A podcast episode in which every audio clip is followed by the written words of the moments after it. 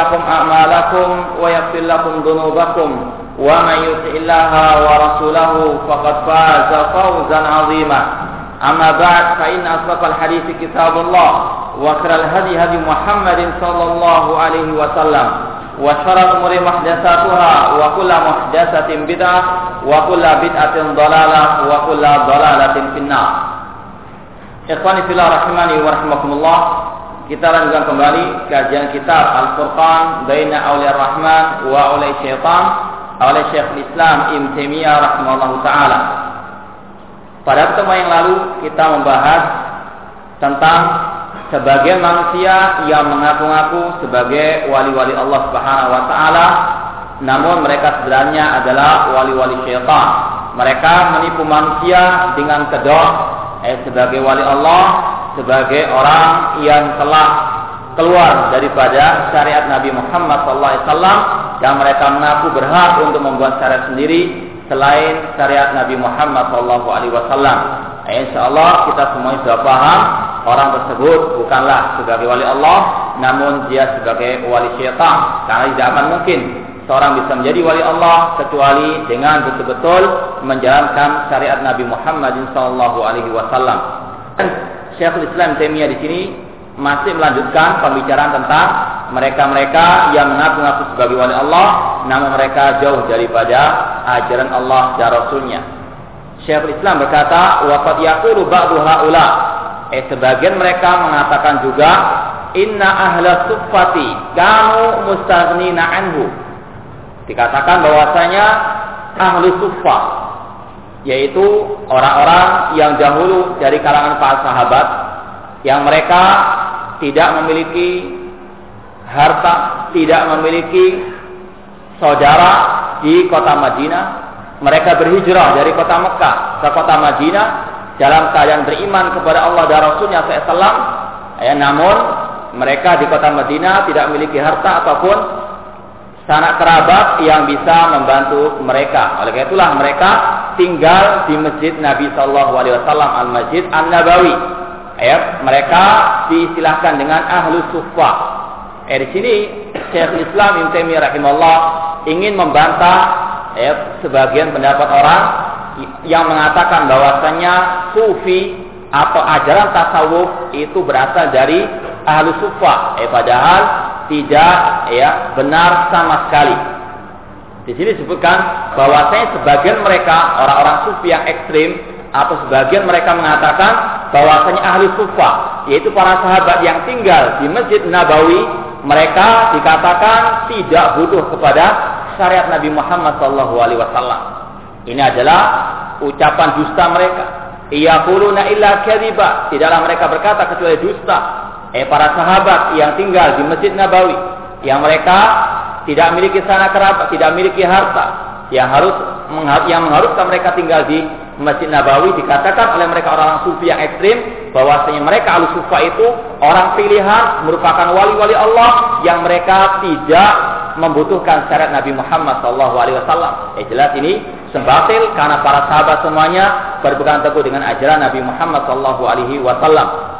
Eh sudah kita katakan tadi ini sebagai bantahan kepada kelompok sufi tasawuf yang ingin ya menyandarkan menisbatkan ajaran mereka yang sesat kepada para sahabat Rasul SAW yang berlepas diri daripada mereka. Kata para ulama bahwasanya kata-kata sufi bukan dari kata-kata ahli sufa ya dari segi bahasa saja sudah sangat salah kalau menyatakan sufi itu dari kata asufa ya kalau dalam bahasa Arab kalau dinisbatkan ya kata-kata orang kepada asufa itu bukan sufi namun asufawi ya asufawi bukan asufi adapun asufi secara bahasa diambil kata-kata asuf yaitu kain kain wol yang merupakan lambang kezuhudan mereka pada waktu itu. Ya sekali lagi penisbatan mereka kepada al sufa kepada para sahabat yang tinggal di masjid Nabawi ini tidaklah benar sama sekali Walam yursal ilaihim. Eh, mereka mengatakan bahwasanya Nabi SAW itu tidak diurus kepada ahli sufa. Ini adalah kedustaan mereka. Eh, semuanya sekali lagi tujuannya untuk menipu manusia, untuk menghiaskan diri mereka dengan ahli sufa itu yang mereka katakan tidak butuh kepada syariat Nabi Muhammad SAW. Ya, tujuannya agar mereka bisa mengarang-arang ajaran baru yang mana kalau mereka dikatakan wajib bagi kalian mengikuti Nabi, mereka mengatakan kita tidak diwajibkan mengikuti ajaran Nabi Muhammad SAW. Kita punya syariat sendiri. Itu keadaan mereka mengatakan seperti itu. Wa minhum man yaqul, di antara mereka juga ada yang mengatakan, "Innallaha auha ila ali suffa fil batin ma auha ila lailatul mi'raj." Eh bahwasanya Allah Subhanahu wa taala memberikan wahyu kepada ahli suffa ya dalam batin mereka. Inilah yang disebut dengan ilmu kebatinan. Ya, kalau kaum muslimin secara umum mereka tingkatannya masih syariat, ya masih dohir, sholat, zakat, haji. Kalau mereka sudah tingkatan batin, ya Islamnya di batin saja. Ya, sebagaimana orang-orang pun batinnya saja. Ya, sebagaimana Abu Talib batinnya saja. Ya, ini merupakan suatu kekufuran yang mereka lakukan dengan nama ya wali Allah yang mereka namakan sebagai ya karomah dan seterusnya.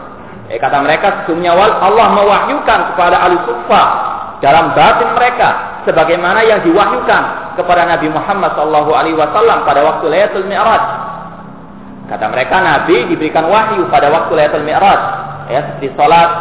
Ya adapun ahli sufa yang mereka ingin menirunya katanya yaitu mereka diberi wahyu tersendiri oleh Allah Subhanahu wa taala. Intinya seperti kemarin yang kita jelaskan, mereka berdalil dengan kisah ya Nabi Musa dengan Nabi Khidir. Bahwa Nabi Khidir tidak mengikuti Nabi Nabi Musa alaihissalam. Demikian pula mereka katanya tidak wajib mengikuti Nabi Muhammad alaihissalam. Eh jelas berbeda sudah kita sampaikan Nabi Musa tidak diutus kepada semua manusia. Ya, demikian pula Nabi Khidir. Eh mereka memiliki syariat tersendiri yang tidak saling diwajibkan untuk mengikuti satu dengan yang lain. Adapun Nabi Muhammad SAW diutus kepada manusia semuanya, baik jin maupun manusia. Barang siapa yang keluar dari syariat Nabi Muhammad, maka mereka adalah wali-wali asyaitan, meskipun berkedok sebagai wali Allah. Kata mereka bahwasanya ahli sufa diberi wahyu oleh Allah sebagaimana Nabi Muhammad sallallahu alaihi wasallam. Fasara ahli sufati bimanzilatihi. Maka kesimpulannya ahli sufa itu eh sebagaimana Nabi sallallahu ya sebagai seorang nabi sebagai orang yang diberi wahyu oleh Allah Subhanahu wa taala. Ahli sufa punya syariat sendiri, Nabi Muhammad punya syariat tersendiri. Itu kata mereka, itu pengakuan dusta mereka. Wa haula'i min farti jalihim la ya'lamun anna al-Isra kana bi Makkah Ya. Ini di antara yang menunjukkan akan bagaimana ya keparahan bodohnya mereka. Mereka mengatakan ahli sufa diberi wahyu oleh Allah ya sebagaimana Rasul diberi wahyu pada waktu Isra wal Mi'raj. Padahal ahli sufa itu tidaklah ada kecuali setelah Nabi SAW berhijrah ke Mekah kota Madinah. Padahal Mi'rajnya Nabi SAW pada waktu Nabi sebelum berhijrah. Ya, mereka mengkiaskan sesuatu yang berbeda. Nabi diutus atau Nabi SAW diberi wahyu pada waktu Isra wal Mi'raj ketika Nabi SAW masih ada di kota Mekah belum berhijrah ke kota Madinah. Sedangkan Al Sufa itu adanya setelah Rasul berhijrah. Ini menunjukkan akan kebodohan mereka yang sangat parah.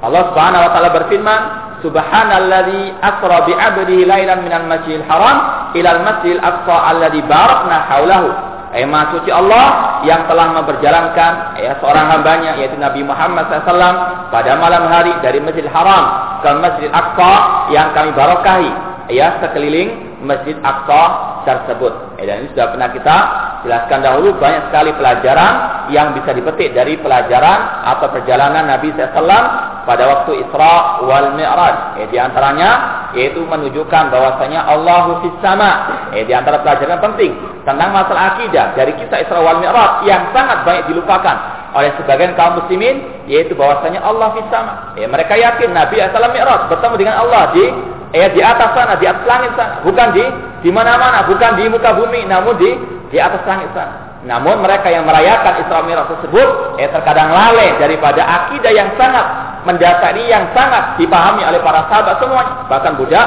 eh perempuan dari sahabat Nabi paham akan akidah yang sangat mudah ini. Wa anna suffata lam takun illa. Padahal asuffa istilah asuffa atau arusuffa itu tidaklah eh disebut dalam sejarah kecuali setelah Nabi SAW berhijrah ke kota Al-Madinah.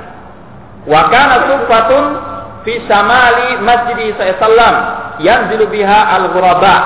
Ya, suffa itu kalau diterjemahkan itu terasnya masjid yang ada di utara masjidnya Nabi SAW di Masjid Nabawi ya Sallallahu Alaihi Wasallam yang mana orang-orang yang asing ya musafir kalau tidak memiliki sanak kerabat di kota Madinah mereka singgah di Masjid Nabawi khususnya di tempat yang disediakan untuk mereka-mereka yang tidak memiliki rumah atau yang tidak memiliki sanak kerabat yang disilakan dengan sufa. Orang-orang yang tinggal di situ dinamakan ahli sufa. Ya, di antara mereka sahabat Nabi SAW dan di antara mereka ada yang murtad dari agama Allah Subhanahu Wa Taala. Ya, tidak semuanya yang dijadikan kata-kata ahli sufa itu semuanya sahabat Nabi. Ada yang murtad nanti akan disebutkan di sini. Wakana sufatun wakana sufatan fi samari masjid sallam yang bihal ghuraba alladzina laysa lahum ahlun wa ashabun yanziluna indahum. Yaitu orang-orang musafir, orang yang asing yang ya singgah di kota Madinah sedangkan mereka tidak punya sanak kerabat, maka mereka tinggal di terasnya masjid Nabi SAW tersebut yang disilakan dengan ahlu asufah. Fa innal mu'minina kanu yuhajiruna ila Nabi sallam ila madinatihi. Orang-orang beriman eh, dari seluruh penjuru negeri khususnya dari kota Mekah mereka berhijrah bersama Nabi SAW ke kota Al-Madinah. Faman amkanahu an yanzila fi makanin nazala bihi. Eh, kalau mereka eh, memiliki bekal untuk mendirikan rumah, untuk mendirikan ya tempat tinggal, maka mereka bertempat tinggal di luar masjid. Kanu yuhajiruna awaman ta'azzara dzalik alina nazala fil masjid. Adapun yang tidak memiliki bekal, tidak memiliki harta, tidak memiliki sanak kerabat, mereka tinggal di Masjid An-Nabawi. Ila an yatayassara lahu makanun yantakilu ilai. Sampai mereka diberikan keluasan harta oleh Allah Subhanahu wa taala, maka mereka pun pindah eh ke tempat yang lain, tidak terus-menerus tinggal di masjid. Ya, ini di antara yang menunjukkan akan kesalahan sebagian orang yang mengatakan bahwasanya mereka lebih baik tinggal di masjid atau berpindah-pindah ke masjid, ya tidur di masjid 40 hari, 3 hari yang silakan dengan khuruj oleh mereka yang meninggalkan sanak keluarga, pindah dari masjid ke masjid yang lain, katakan meniru ahlu sufa yang sering tinggal di masjid selama-lamanya. Padahal tidak. Ya ahlu sufa mereka yang tidak mampu, tidak memiliki rumah, tidak memiliki tempat tinggal atau sanak kerabat, mereka tinggal di Masjid Nabawi. Kalau mereka memiliki harta, mereka pindah. Tidak selama-lamanya tinggal di Masjid An-Nabawi tersebut. Ini juga menunjukkan bahwasanya ya az-zuhud itu bukan orang itu ya terus menerus ya malas bekerja, tidak berusaha. Ya, para sahabat yang fakir, mereka berusaha untuk mendapatkan harta. Kalau mereka dapat, mereka pindah. Bukan terus-menerus mengatakan, ya, kita tinggalkan dunia, kita hidup di masjid saja beribadah tidak. Ya, Nabi SAW tidak menghalalkan hal tersebut. Ini adalah ya akidahnya orang-orang Nasara, ya pastor-pastor, biarawat dan biarawati yang mereka meninggalkan dunia untuk ya gereja-gereja mereka. Ini bukan agama Islam. Ya, Islam memerintahkan untuk kita mengutamakan akhirat namun tetap untuk kita mencari dunia wabtaghi fi ma atakallahu daral akhirah wala tansa nasibaka minad dunya carilah dari anugerah ya, atau yang yang kami anugerahkan dari negeri akhirat dan jangan lupa urusan dunia kalian akhirat dicari yang dulu kemudian baru dunia dunia jangan tinggalkan sama sekali ya mereka orang-orang sufi yang sudah sampai tingkatannya ekstrim mereka mengharapkan dunia Eh, ini secara lisannya saja sebetulnya hati mereka tamak terhadap terhadap dunia. Eh, lihat tokoh-tokoh mereka. Eh, bukan orang-orang yang fakir. Mereka adalah orang yang bermegang-megang dalam dunia. Namun ucapan mereka eh bertentangan dengan perbuatan mereka. Mengharamkan dunia. Namun mereka sebetulnya tamak dalam hatinya terhadap terhadap dunia. Ahli sufa, orang-orang yang awal kalinya mereka tidak memiliki harta, namun kalau mereka diberikan keluasan Allah, mereka berusaha mencari nafkah, mereka pindah dari Masjid An-Nabawi Walam yakun ahli suffari nasan bi a'yanihim yulazimuna suffa. Ya, dalam sejarah tidak ada istilah ahli suffa itu terus menerus tinggal di Masjid Nabawi. Ya, mereka berpindah-pindah. Mereka memiliki harta pindah dari Masjid Nabawi tersebut. Balkanu yuqilluna taratan wa yakfuruna taratan ukhra. Kadang jumlah mereka banyak, kadang jumlah mereka eh sedikit. Ya, Sebagaimana keadaan musafir, ada kalau ada banyak orang musafir, mereka tinggal singgah, kemudian meninggalkannya, kembali ke rumah-rumah mereka. Kalau sudah dapat rumah, mereka pindah ke rumah mereka sendiri. Ya, tidak terus menerus tinggal di teras masjid Nabi Shallallahu Alaihi Wasallam. Wa yuqim rajul biha zamana. Eh terkadang seorang ya tinggal beberapa waktu pada waktu itu summa yantakim minha kemudian berpindah darinya. Walladzina yanziluna biha hum min jinsi sa'iril muslimin. Ya dan yang tinggal di terasnya Nabi SAW itu bukan orang-orang khusus ya, bukan orang-orang yang selalu menjadi wali-wali Allah Subhanahu seperti yang di ya diyakini oleh sebagian orang-orang sufi. Katanya al sufa itu adalah orang-orang yang istimewa, memiliki banyak karamah dan sebagainya tidak. Eh kata Syekhul Islam Taimiyah rahimahullah, al sufa manusia biasa, sebagaimana orang-orang mukmin yang lainnya, sebagaimana orang-orang muslimin yang lainnya. Tidak memiliki keistimewaan sama sekali. Mereka adalah manusia yang sehingga yang mereka mampir di Masjid Nabawi tidak memiliki keistimewaan sama sekali. Laisa fi ilmin wala Mereka tidak memiliki keistimewaan dalam ilmu atau masalah masalah agama sama dengan muslim yang lainnya. Bal fihim marintadda anil Islam, bahkan di antara yang tinggal eh di sufahnya Nabi SAW tersebut atau di terasnya masjid Nabi SAW tersebut atau yang dikatakan ahli sufah tersebut ada yang murtad dari agama Islam. Wa qatalahu Nabi sallallahu alaihi wasallam dan dibunuh oleh Nabi sallallahu alaihi wasallam ketika dia murtad dari dari Islam. Karena memang Nabi bersabda, Man baddala dinahu faqtulu. Barang siapa yang merubah agamanya, murtad dari agamanya faqtulu, maka bunuhlah. Namun yang berhak membunuh adalah para pemimpin khalifah kaum muslimin. Kal uraniyin alladina ishtawal Madinah. Eh, seperti dalam sejarah disebutkan kisah emsia orang-orang yang disebut dengan al-uraniyin, eh dari urana. Eh, orang-orang yang pernah tinggal di kota Madinah, mampir di kota Madinah. Namun mereka tidak betah sebetulnya dengan kota Madinah tersebut.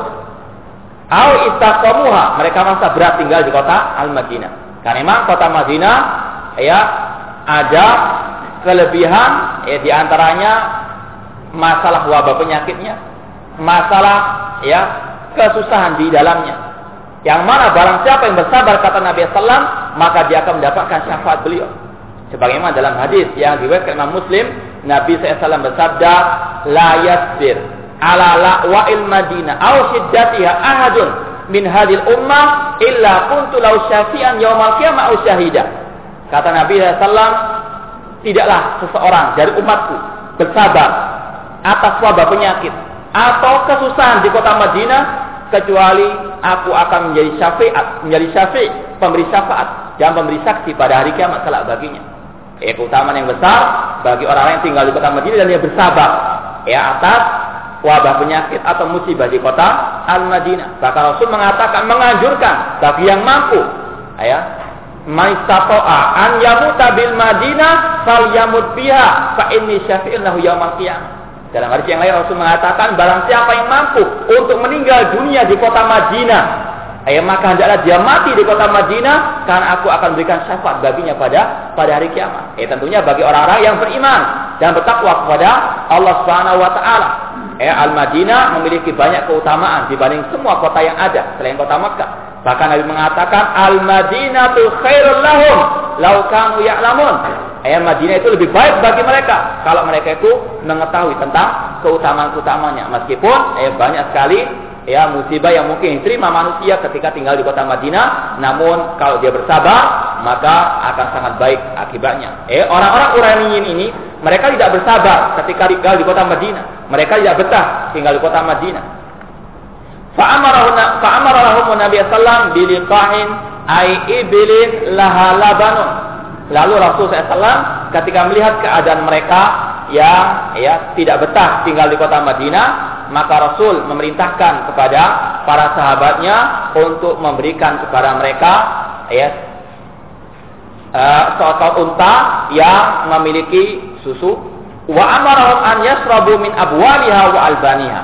Lalu Rasul memerintahkan kepada mereka orang-orang orang ini tersebut yang tidak betah terhadap kota Madinah atau hawa cuaca kota Madinah untuk meminum dari air kencing dan air susunya unta tersebut ya ini suatu hal yang terkadang akal tidak mau menerimanya. Namun hadis ini ada dalam Sahih Bukhari. La yantiqu anil hawa in huwa illa wahyu yuha. Rasul ya berkata dari hawa nafsunya, namun ini adalah wahyu dari Allah Subhanahu wa taala. Allah tahu bahwa di dalam air kencingnya unta terdapat obat, ya. Sebagaimana disebutkan oleh para para ulama. Ini menunjukkan bahwasannya akal tidak uh, bukan merupakan satu-satunya ya timbangan manusia dalam menimbang segala sesuatu. Ya, kalau ini datangnya dari Rasul SAW yang berkata dari wahyu Allah Subhanahu Wa Taala, maka wajib kita mengatakan huwa as-sadiqul masduq. Rasul adalah yang benar dan wajib untuk kita membenarkan sabda Rasul SAW. Ya, di sini Rasul SAW memerintahkan kepada orang-orang Quraisyin yang tidak betah tinggal di kota Madinah terhadap cuaca kota Madinah untuk minum dari ya min abwaliha dari kencingnya dan susunya unta tersebut. Falamma sahu qatalu ar-ra'iyah. Orang-orang Uraniyin ini ketika mereka sudah meminum ya dari air kencing dan air susunya unta tersebut mereka menjadi sehat. Ya, ini bukti pada waktu itu bahwasanya ya kebenaran Nabi Shallallahu Alaihi Wasallam dalam mengatakan ya air kencing dan air susunya unta sebagai obat bagi mereka. Ketika mereka sudah sehat minum ya semuanya dengan seizin dari Allah, ya mereka sehat kemudian mereka membunuh pengembala ayat onta tersebut. Ini adalah ayat kejahatan mereka. Qatal ra'iyah, ya sudah dikasih ayat air susunya sudah dikasih air air kencingnya sebagai obat bagi mereka, mereka membalasnya dengan membunuh pengembala tersebut. Wasaqu azauda kemudian merampas ayat onta-onta yang dimiliki oleh pengembala tersebut. Fa'arsalan Nabi sallallahu alaihi maka Nabi pun murka, marah, eh, memerintahkan kepada para sahabat untuk mengejar mereka orang-orang ini tersebut yang membunuh eh pengembala yang telah berjasa kepada mereka.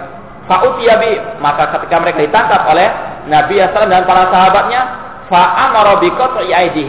Maka Rasul memerintahkan untuk dipotong tangan-tangan mereka wa arjulin dan kaki-kaki mereka eh, sebagai balasan yang simpel atas eh, dosa dan kejahatan mereka eh sudah diberikan eh, eh kebaikan, diberikan eh hal-hal yang sangat bermanfaat bagi mereka. Mereka membalasnya dengan eh inilah air suci dibalas dengan air tuba.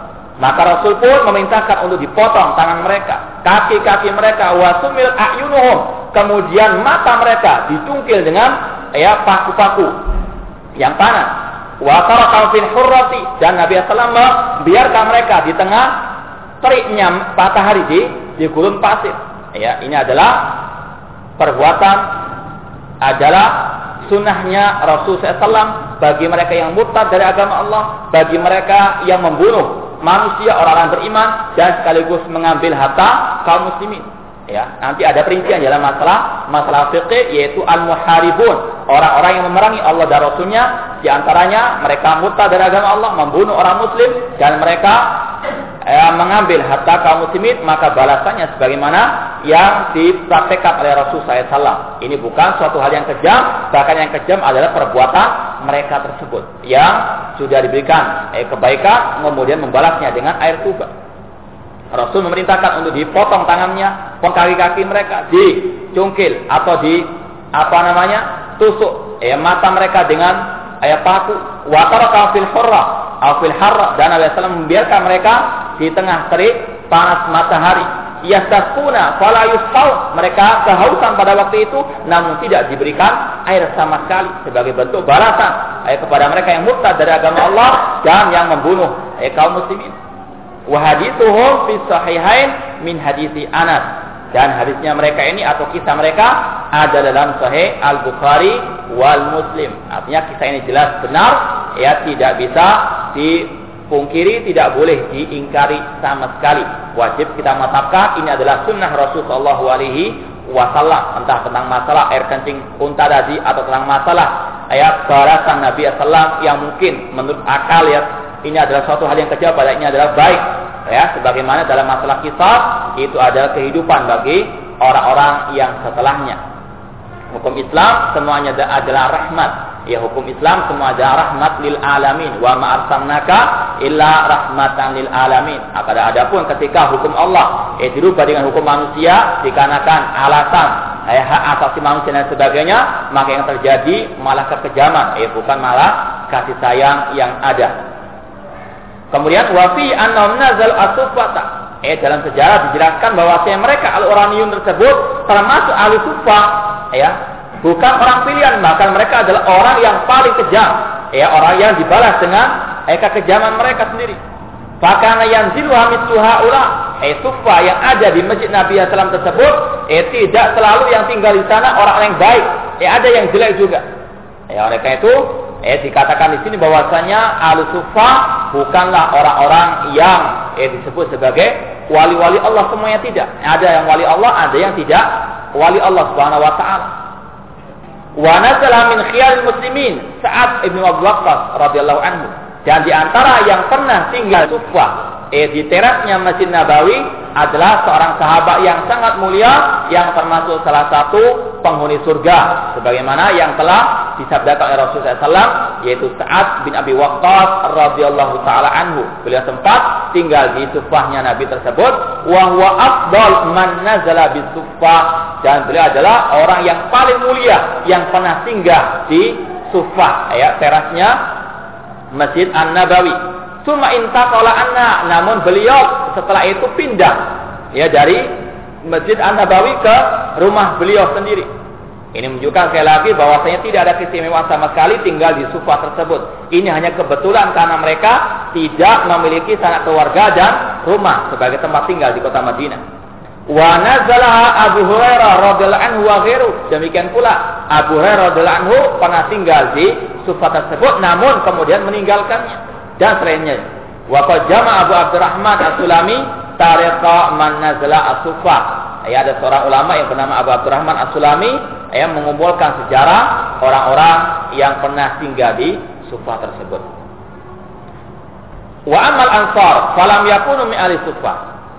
Adapun kelompok al-ansar dari sahabat Rasul SAW yang mereka adalah penduduk Medina, mereka tidak tinggal di Sufa tersebut karena mereka memiliki rumah masing-masing. Ini sekali lagi menunjukkan bahwasanya para sahabat eh bukan orang-orang yang eh kegemarannya itu pindah-pindah masjid, tinggal di masjid dan sebagainya.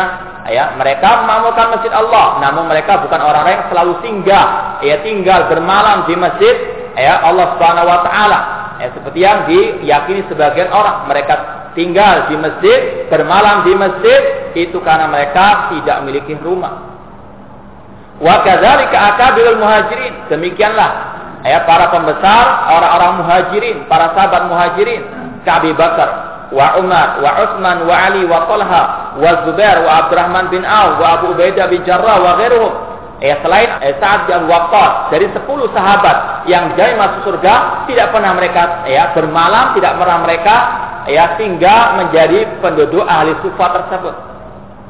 Lam yakunu min ahli sufa, mereka tidak menjadi ahli as-sufa. Wa qarruya annahu kana biha gulamun al-gulamul bin Syu'bah.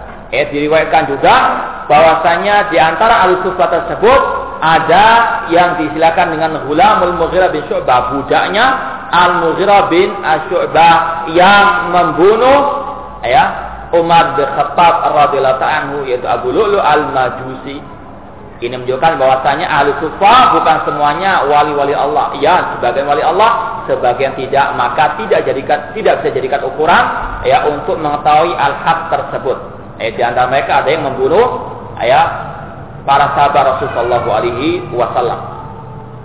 Kemudian wa anna Nabi wasallam qala, "Hadza wahidun minas sab'ati Kemudian Nabi mengatakan, namun ini ada hadisnya yang tidak sahih.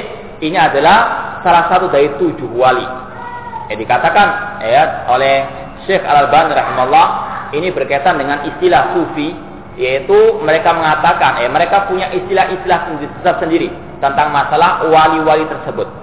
Ya, kalau wali menurut ahli sunnah, wali menurut Al-Quran dan sunnah adalah orang yang beriman, yang bertauhid kepada Allah dan yang bertakwa menjalankan perintah Allah menjauhi larangan Allah, menjalankan sunnah Rasul, meninggalkan apa yang dilarang oleh Rasul Shallallahu Alaihi Wasallam. Kalau menurut mereka, ya wali itu adalah orang yang memiliki keanehan-keanehan yang luar biasa kata mereka. Bahkan mereka mengatakan namanya wali adalah orang-orang yang memiliki hak untuk mengatur alam semesta. Ya, mereka memiliki istilah-istilah tersendiri dalam kitab-kitab mereka. Dan di sini dibahas oleh Syekh ya, Syekhul Islam Ibnu Taimiyah rahimahullah taala. Mereka juga membawakan hadis-hadis tentang keutamaan wali-wali mereka. Ada yang disilakan dengan abdal, ada yang disilakan dengan al-aqtab dan seterusnya. Uh, saya nukilkan di sini dari ucapan Syekh Al-Bani. Qala Syekh Al-Bani rahimahullah, "Wa'lam anna ahadits al-abdal la yasihu minha syai'un." Eh hadis-hadis tentang istilah al-abdal. Ya, orang sufi memiliki istilah al-abdal, ya, merupakan wali Allah nanti akan kita bacakan. Apa itu yang dimaksud dengan al-abdal. Ya, hadis hadis hadis tentang al-abdal ini tidak ada yang sahih sama sekali. Ya, hadis tentang wali-wali yang menurut versi sufi ini tidak ada yang sahih sama sekali. Wa kulluha ma'lulatun, semuanya ada cacatnya. Wa ba'du asadu da'fan min ba'did, sebagian lebih lemah daripada sebagian yang lainnya. Eh disebutkan oleh Syekh uh, Al-Albani dalam Da'i Silsilah Dhaifah jilid yang kedua halaman 339. Eh di antaranya hadis tadi ada yang mengatakan bahwasanya itulah salah satu dari tujuh wali kata ya hadis yang dhaif ini. Namun kata para ulama hadal hadis kadibun bittifaqi alil ilmi. Hadis tentang masalah ini adalah dusta menurut kesepakatan para ulama. Eh hadis-hadis yang dibawakan oleh orang sufi tentang wali-wali mereka yang sahih hanyalah yang kita katakan, yang kita sebutkan dahulu. Eh dalam hadis Bukhari tentang barang siapa yang musi walikum maka dia eh, mengumumkan perang terhadapku. Ini adalah hadis yang sahih. Adapun selain hadis wali tersebut, maka ya yang dibawakan oleh orang sufi adalah hadis yang batin, yang dusta menurut kesepakatan para ulama. Wa in kana Abu Nu'aim fil hilyah. Ya sebagaimana yang juga diriwayatkan oleh Abu Nuaim dalam kitab Al-Hilyah wa kadzalika kullu haditsin yurwa an Nabi sallallahu fi adadil awliya. Eh demikian pula setiap hadis yang diriwayatkan dari Nabi sallallahu tentang jumlah para wali-wali, ya wali-wali ada 140, ini semuanya dusta hadisnya. Wal abdal, demikian pula istilah al-abdal. Ini adalah istilah wali bagi orang sufi. Siapa al-abdal itu? Eh, di sini dikatakan eh wal abdal za'amu annahum arba'un eh kelompok sufi mengatakan bahwasanya al abdal ya itu 40 ya hum mukallafuna bihifdzil alam mereka mengatakan al abdal adalah wali-wali yang mereka dibebani kewajiban untuk menjaga alam semesta Eh, padahal kita ketahui yang menjaga alam semesta adalah Allah Subhanahu wa taala. Eh kemudian Allah merintahkan kepada para malaikatnya, tidak ada wali pun satu wali pun yang eh diperintahkan untuk menjaga alam semesta. Wali manusia biasa. Eh mereka mati ketika mati mereka di alam kubur. Eh tidak untuk menjaga alam semesta. Ini adalah salah satu kesirikan mereka di dalam masalah ar-rububiyah. Yang mana orang-orang musyrikin zaman jahiliyah sangat yakin dengan siyak-yakinnya Allah lah satu-satunya yang menjaga alam semesta ini. Eh dan di antara dan ini di antara ayat kesirikan yang lebih parah dibandingkan kesirikan zaman jahiliyah. Allah Subhanahu wa taala memerintahkan kepada Nabi sallallahu "Qul man yarzuqukum minas sama'i wal ardi."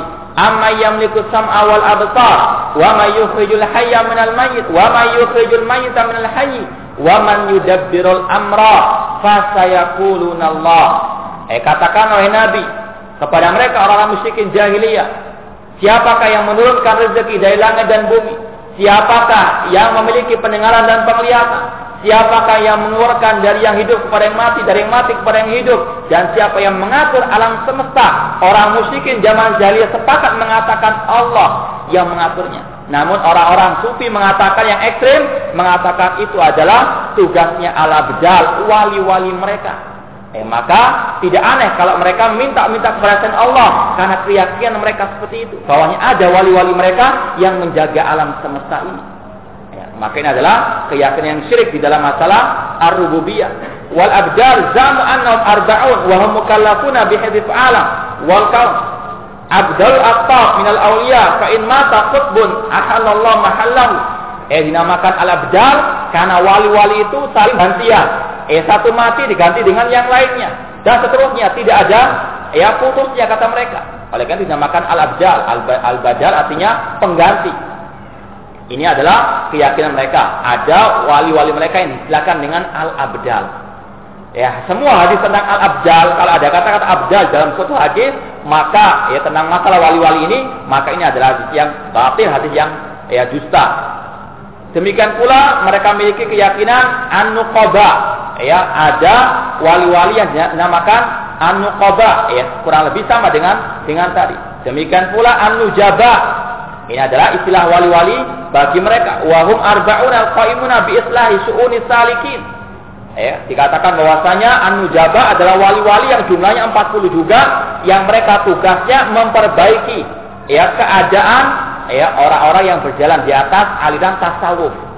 Ya, semuanya untuk mereka ya. Selain tasawuf atau orang selain sufi tidak memperoleh hal seperti ini. Ini ada kekhususan bagi mereka yang berada di atas kegelapan ya kesesatan mereka. Ada istilah an-nujaba jumlahnya 40. Sama tugasnya ya memiliki hak rububiyah kata mereka. Wal autat, eh demikian pula al autat, istilah-istilah mereka. Wahum hafadatul alam. Ya hafadatul alam mereka adalah ya para penjaga alam semesta. Kullu wahidin minhum fi min arkanil alam. Ya.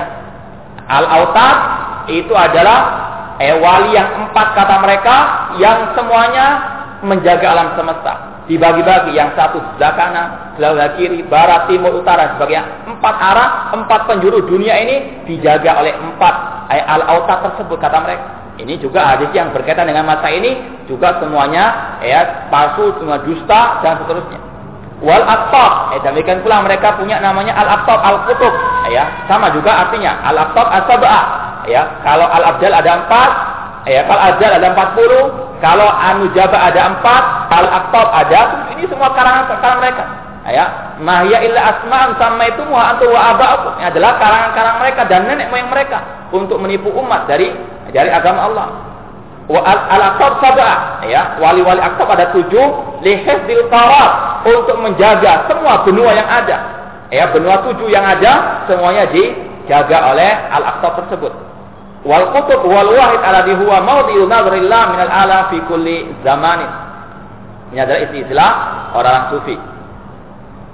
Al mislu salasatin ataupun kalau ada mengatakan wali ada tiga, ada empat, ada tujuh, atau isna ada dua belas, atau empat puluh, atau ada tujuh puluh, atau ada tiga ratus, atau ada tiga ratus tiga belas dan yang seterusnya, atau ada yang dikatakan al kutub wahid, al-ghaus al-wahid. Ini istilah-istilah orang-orang sufi tersebut tentang wali-wali mereka.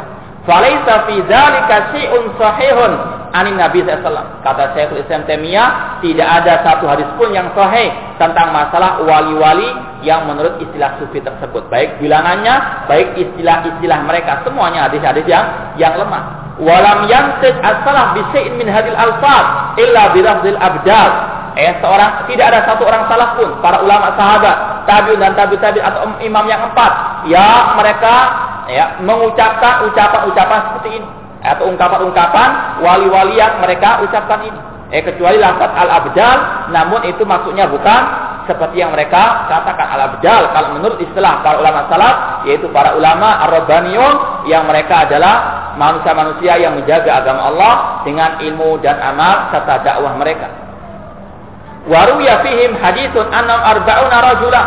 Ya, ada juga riwayat yang mengatakan mereka itu jumlahnya 40 orang. Ini juga tidaklah benar. Wa annahum bisyam. Ada yang mengatakan wali-wali tersebut ada di negeri Syam sana. Ini juga tidaklah benar. Wa huwa fil musnad. Dan hadis ini ada dalam eh, musnad Imam Ahmad. Eh, namun tidak semua yang di dalam musnad Ahmad itu sahih, ada yang dhaif, ada yang yang sahih. Min hadis Ali karramallahu wajhahu. Ya, Syekhul Islam mengatakan di sini ya dengan istilah Ali karramallahu wajahu. Ya, semoga ya Allah memuliakan wajah Ali. Ini adalah istilah kata para ulama adalah istilah yang tidak sepatutnya untuk ya dipakai untuk mendoakan Ali bin Abi Thalib radhiyallahu taala anhu karena ini adalah istilah yang pertama kali dipakai oleh orang-orang Syiah yang mengkultuskan Ali bin Abi Thalib radhiyallahu taala anhu. Cukup kita mengatakan Ali bin Abi Thalib radhiyallahu anhu sebagaimana yang diberikan oleh Allah Subhanahu wa taala wasabiqun al-awwaluna minal muhajirin wal ansar walladzina tabauhum bi ihsan radhiyallahu anhum wa. Untuk sahabat cukup kita mengatakan Abu Bakar As-Siddiq radhiyallahu anhu, ayat Umar radhiyallahu anhu, Utsman radhiyallahu anhu, Ali radhiyallahu anhu. Eh bukan memakai kata-kata karramallahu wajha ya memang artinya benar cuma ini adalah eh, salah satu siarnya orang-orang Asy'ah yang suka mengkultuskan Ali yang suka mengkultuskan Fatimah. Ya mereka menamakan Fatimah Az-Zahra. Ini juga ada istilah mereka. Ya kalau di Medina itu ada istilah ya bir Ali sumurnya Ali untuk orang-orang yang mau ya imrah atau haji. Padahal itu namanya yang dinamakan Rasulullah SAW adalah Dzul Hulaifah ya ada nama-nama yang mereka eh karang-karang sendiri yang mereka nisbatkan kepada Ali bin Abi Thalib radhiyallahu anhu sebagai pengkultusan mereka kepada Ali. Mereka mengatakan ya Ali itu Allah wajah karena kalau kata mereka Ali tidak pernah sujud kepada berhala maka doanya semoga Allah memuliakan wajah Ali karena wajah Ali tidak pernah bersujud kepada berhala. Maka kata para ulama kalau memang itu yang dimaksud mengapa mereka tidak menggunakannya untuk Abu Bakar As-Siddiq? Ya, Abu Bakar As-Siddiq tidak pernah dalam sejarah sujud kepada berhala sama sekali. Mengapa? Eh, doa ini tidak dipakai untuk ya Abu Bakar As-Siddiq. Ini adalah ya kesesatan mereka tidak mungkin mereka mendoakan Abu Bakar As-Siddiq bahkan mereka orang-orang Syiah eh, sangat murka sangat bermusuhan dengan Abu Bakar As-Siddiq radhiyallahu taala anhu eh maka cukup kita mengatakan Ali radhiyallahu anhu demikian pula kata para ulama penggunaan kata alaihi salam untuk Ali secara khusus ini juga tidak selayaknya dipakai cukup sekali lagi kita mengatakan Ali radhiyallahu anhu Adapun alaihi salam, Ali alaihi salam, Ali karramallahu wajah, ini ada di antara syiar-syiarnya orang-orang Syiah qatalahumullah. Eh, maka wajib untuk kita berhati-hati, wajib kita untuk menyelisih agama Syiah. Wa huwa haditsun munqati'un falaysa bisabitin. Eh kata Syekh Ibnu Taimiyah, hadis-hadis tentang masa ini meskipun diriwayatkan Imam Ahmad dari Ali bin Abi Thalib radhiyallahu anhu, maka artinya terputus tidaklah sah hadisnya. Wa ma'lumun anna Ali bin Abi Thalib wa man ma'hu min sahabah kan afdala min Muawiyah wa man ma'hu bisyam Eh dikatakan bahwasanya kalau dikatakan wali-wali Allah itu hanya ada di negeri Sam, ya padahal telah diketahui bahwasanya Ali bin Abi Thalib pada waktu itu ada di negeri Kufah, ya bersama para sahabat yang lainnya dan Ali bin Abi Thalib, ya menurut Syekhul Islam Taimiyah rahimahullah, ya lebih mulia daripada Muawiyah. Eh ini bukan menjelek-jelekan Muawiyah radhiyallahu anhu, la kala wahasa. Eh tidak sama sekali. Eh cuma kita katakan eh para sahabat itu semuanya mulia. Eh sudah kita katakan dahulu dan kita jelaskan berkali-kali para sahabat semuanya mulia. Namun dari yang mulia tersebut ada yang paling mulia. Eh semua sahabat adalah mulia. Generasi yang terbaik. Namun yang paling baik di antara para sahabat Abu Bakar As-Siddiq, kemudian Umar bin kemudian Utsman bin Affan, kemudian Ali bin Abi Thalib. Eh, kalau dibandingkan antara Ali dan Muawiyah, eh tentunya yang paling afdal adalah Ali. Meskipun tidak boleh kita mencela Muawiyah radhiyallahu anhu. Eh, namun sebagian orang, eh, khususnya orang Syiah dan yang terpengaruh dengan Syiah, ketika mereka mengkhususkan Ali, ketika mereka mengutamakan Ali, mereka mencela Muawiyah. Ini bukan manhajnya, bukan akidahnya Ahlussunnah. Ya Rasul mengatakan la tasubbu ashabi, jangan kalian mencaci maki. Salah seorang dari para sahabat. Haram mencaci maki sahabat, siapa pun orangnya. Eh, dari kalangan sahabat. Yang pernah bertemu dengan Rasul yang masuk Islam. Dan yang mati dalam Islam. Ya. Itu adalah sahabat Rasul. Tidak boleh untuk di barang siapa mencela sahabat Rasul maka dia seorang yang zinjir eh, seperti yang dikatakan oleh Abu Zur Ar-Razi Ar-Razi rahimahullah taala seorang ulama salaf beliau mengatakan idza ra'aita rajulan intaqasa ahadan min ashabi Rasulullah fa'lam annahu zindiq apabila engkau melihat seseorang mencela salah satu sahabat Rasulullah SAW, maka ketahui dia adalah zindik, dia adalah munafik. Fa'inal Qur'ana indana hakun, wal ar-Rasul indana hakun, Al-Qur'an dan hari Rasulullah SAW itu adalah hak menurut kita. Wa inna ma'adda ilaina hadal kita wa sunnah ashabu Rasulullah SAW. Sesungguhnya yang menyampaikan kepada kita Al-Quran dan Sunnah adalah para sahabat. Mereka yang paling berjasa ya kepada kita semuanya. Kemudian kata beliau, "Innama yudayaluna an yujadu syuhudana liyubtul kita wa sunnah." Mereka yang mencela sahabat tujuannya untuk mencela Al-Quran dan Sunnah. Itu asal tujuan mereka mencela Al-Quran dan Sunnah, namun lewat celaan kepada para sahabat. Wal jarhu bim aula wa hum Ya, orang yang mencela sahabat itu yang lebih layak untuk kita celah dan mereka adalah para para zindik, ya orang-orang yang munafik. Ya, bukan berarti kalau kita mengatakan Ali lebih afdal dari Muawiyah, kita mencela Muawiyah tidak sama sekali. Sebagaimana kita mengatakan Rasul SAW Muhammad bin Abdullah SAW itu lebih baik daripada Isa alaihissalam. Namun bukan berarti itu mencela Isa alaihissalam. Allah mengatakan tilka rusulu ba'dhum ala ba'din. Demikianlah para rasul-rasul kami utamakan ya salah satu dari mereka di atas yang lainnya. Ya ada tingkatan-tingkatannya meskipun semuanya adalah manusia yang mulia. Rasul semuanya adalah manusia yang mulia. Namun yang mulia ada yang mulia lagi. Demikian pula para sahabat semuanya mulia. Namun di atas yang mulia ada yang paling mulia yaitu Abu Bakar As-Siddiq, kemudian Umar, kemudian Utsman, kemudian Ali bin Abi Thalib. Ya. Kalau ada orang mengatakan bahwasanya yang mulia adalah Muawiyah daripada Ali, Ali adalah ya salah. Ya, kita tidak boleh ekstrem kanan, ekstrem kiri. Tidak boleh kita mendahulukan Muawiyah daripada Ali bin Abi Thalib. Kita katakan Ali lebih mulia. Namun boleh kita ekstrim ya, yang kiri yaitu mencela Muawiyah harus wasat. Ya, kita katakan semuanya mulia, semuanya tidak boleh dicela. Namun yang mulia itu ada yang lebih mulia lagi. Ya, di antara dua orang tersebut, Ali yang lebih mulia. Eh, kalau ada orang mengatakan bahwasannya, ya Muawiyah itu wali-wali Allah yang ada di negeri Islam, kemudian mereka melupakan Ali yang ada di Kufah, eh maka ini suatu kebatilan. Eh, karena Ali lebih berhak untuk menyanjang gelar wali tersebut. Ya, meskipun semuanya adalah wali-wali Allah, para sahabat adalah wali-wali Allah Subhanahu wa taala. Kan Abdullah min Muawiyah. Mereka, ya Ali bin Abi Thalib lebih lebih mulia daripada Muawiyah. Wa man ma'ahu bisyam yang ada di Syam. Fala yakunu afdalan nas fi askari Muawiyah duna askari Ali. Ya, yang ada di tentaranya Ali itu lebih afdal daripada ada tentaranya Muawiyah radhiyallahu taala anhu. Waqad akhraja fi sahihain an Abi Sa'id an Nabi sallallahu annahu qala yang disebutkan dalam Sahih Bukhari dan Muslim dari sahabat Abu Sa'id Al-Khudri radhiyallahu anhu bahwa Nabi sallallahu bersabda tamruku mariqatun minal jin ala hini furqatin minal muslimin yaqtuluhum awla ta'ifataini bil haqqi ya akan keluar ya sekelompok manusia ya, dari agama ini ketika terjadinya perpecahan di antara kaum muslimin yang mana ya salah satu dari kelompok tersebut yang di atas kebenaran mereka akan memeranginya.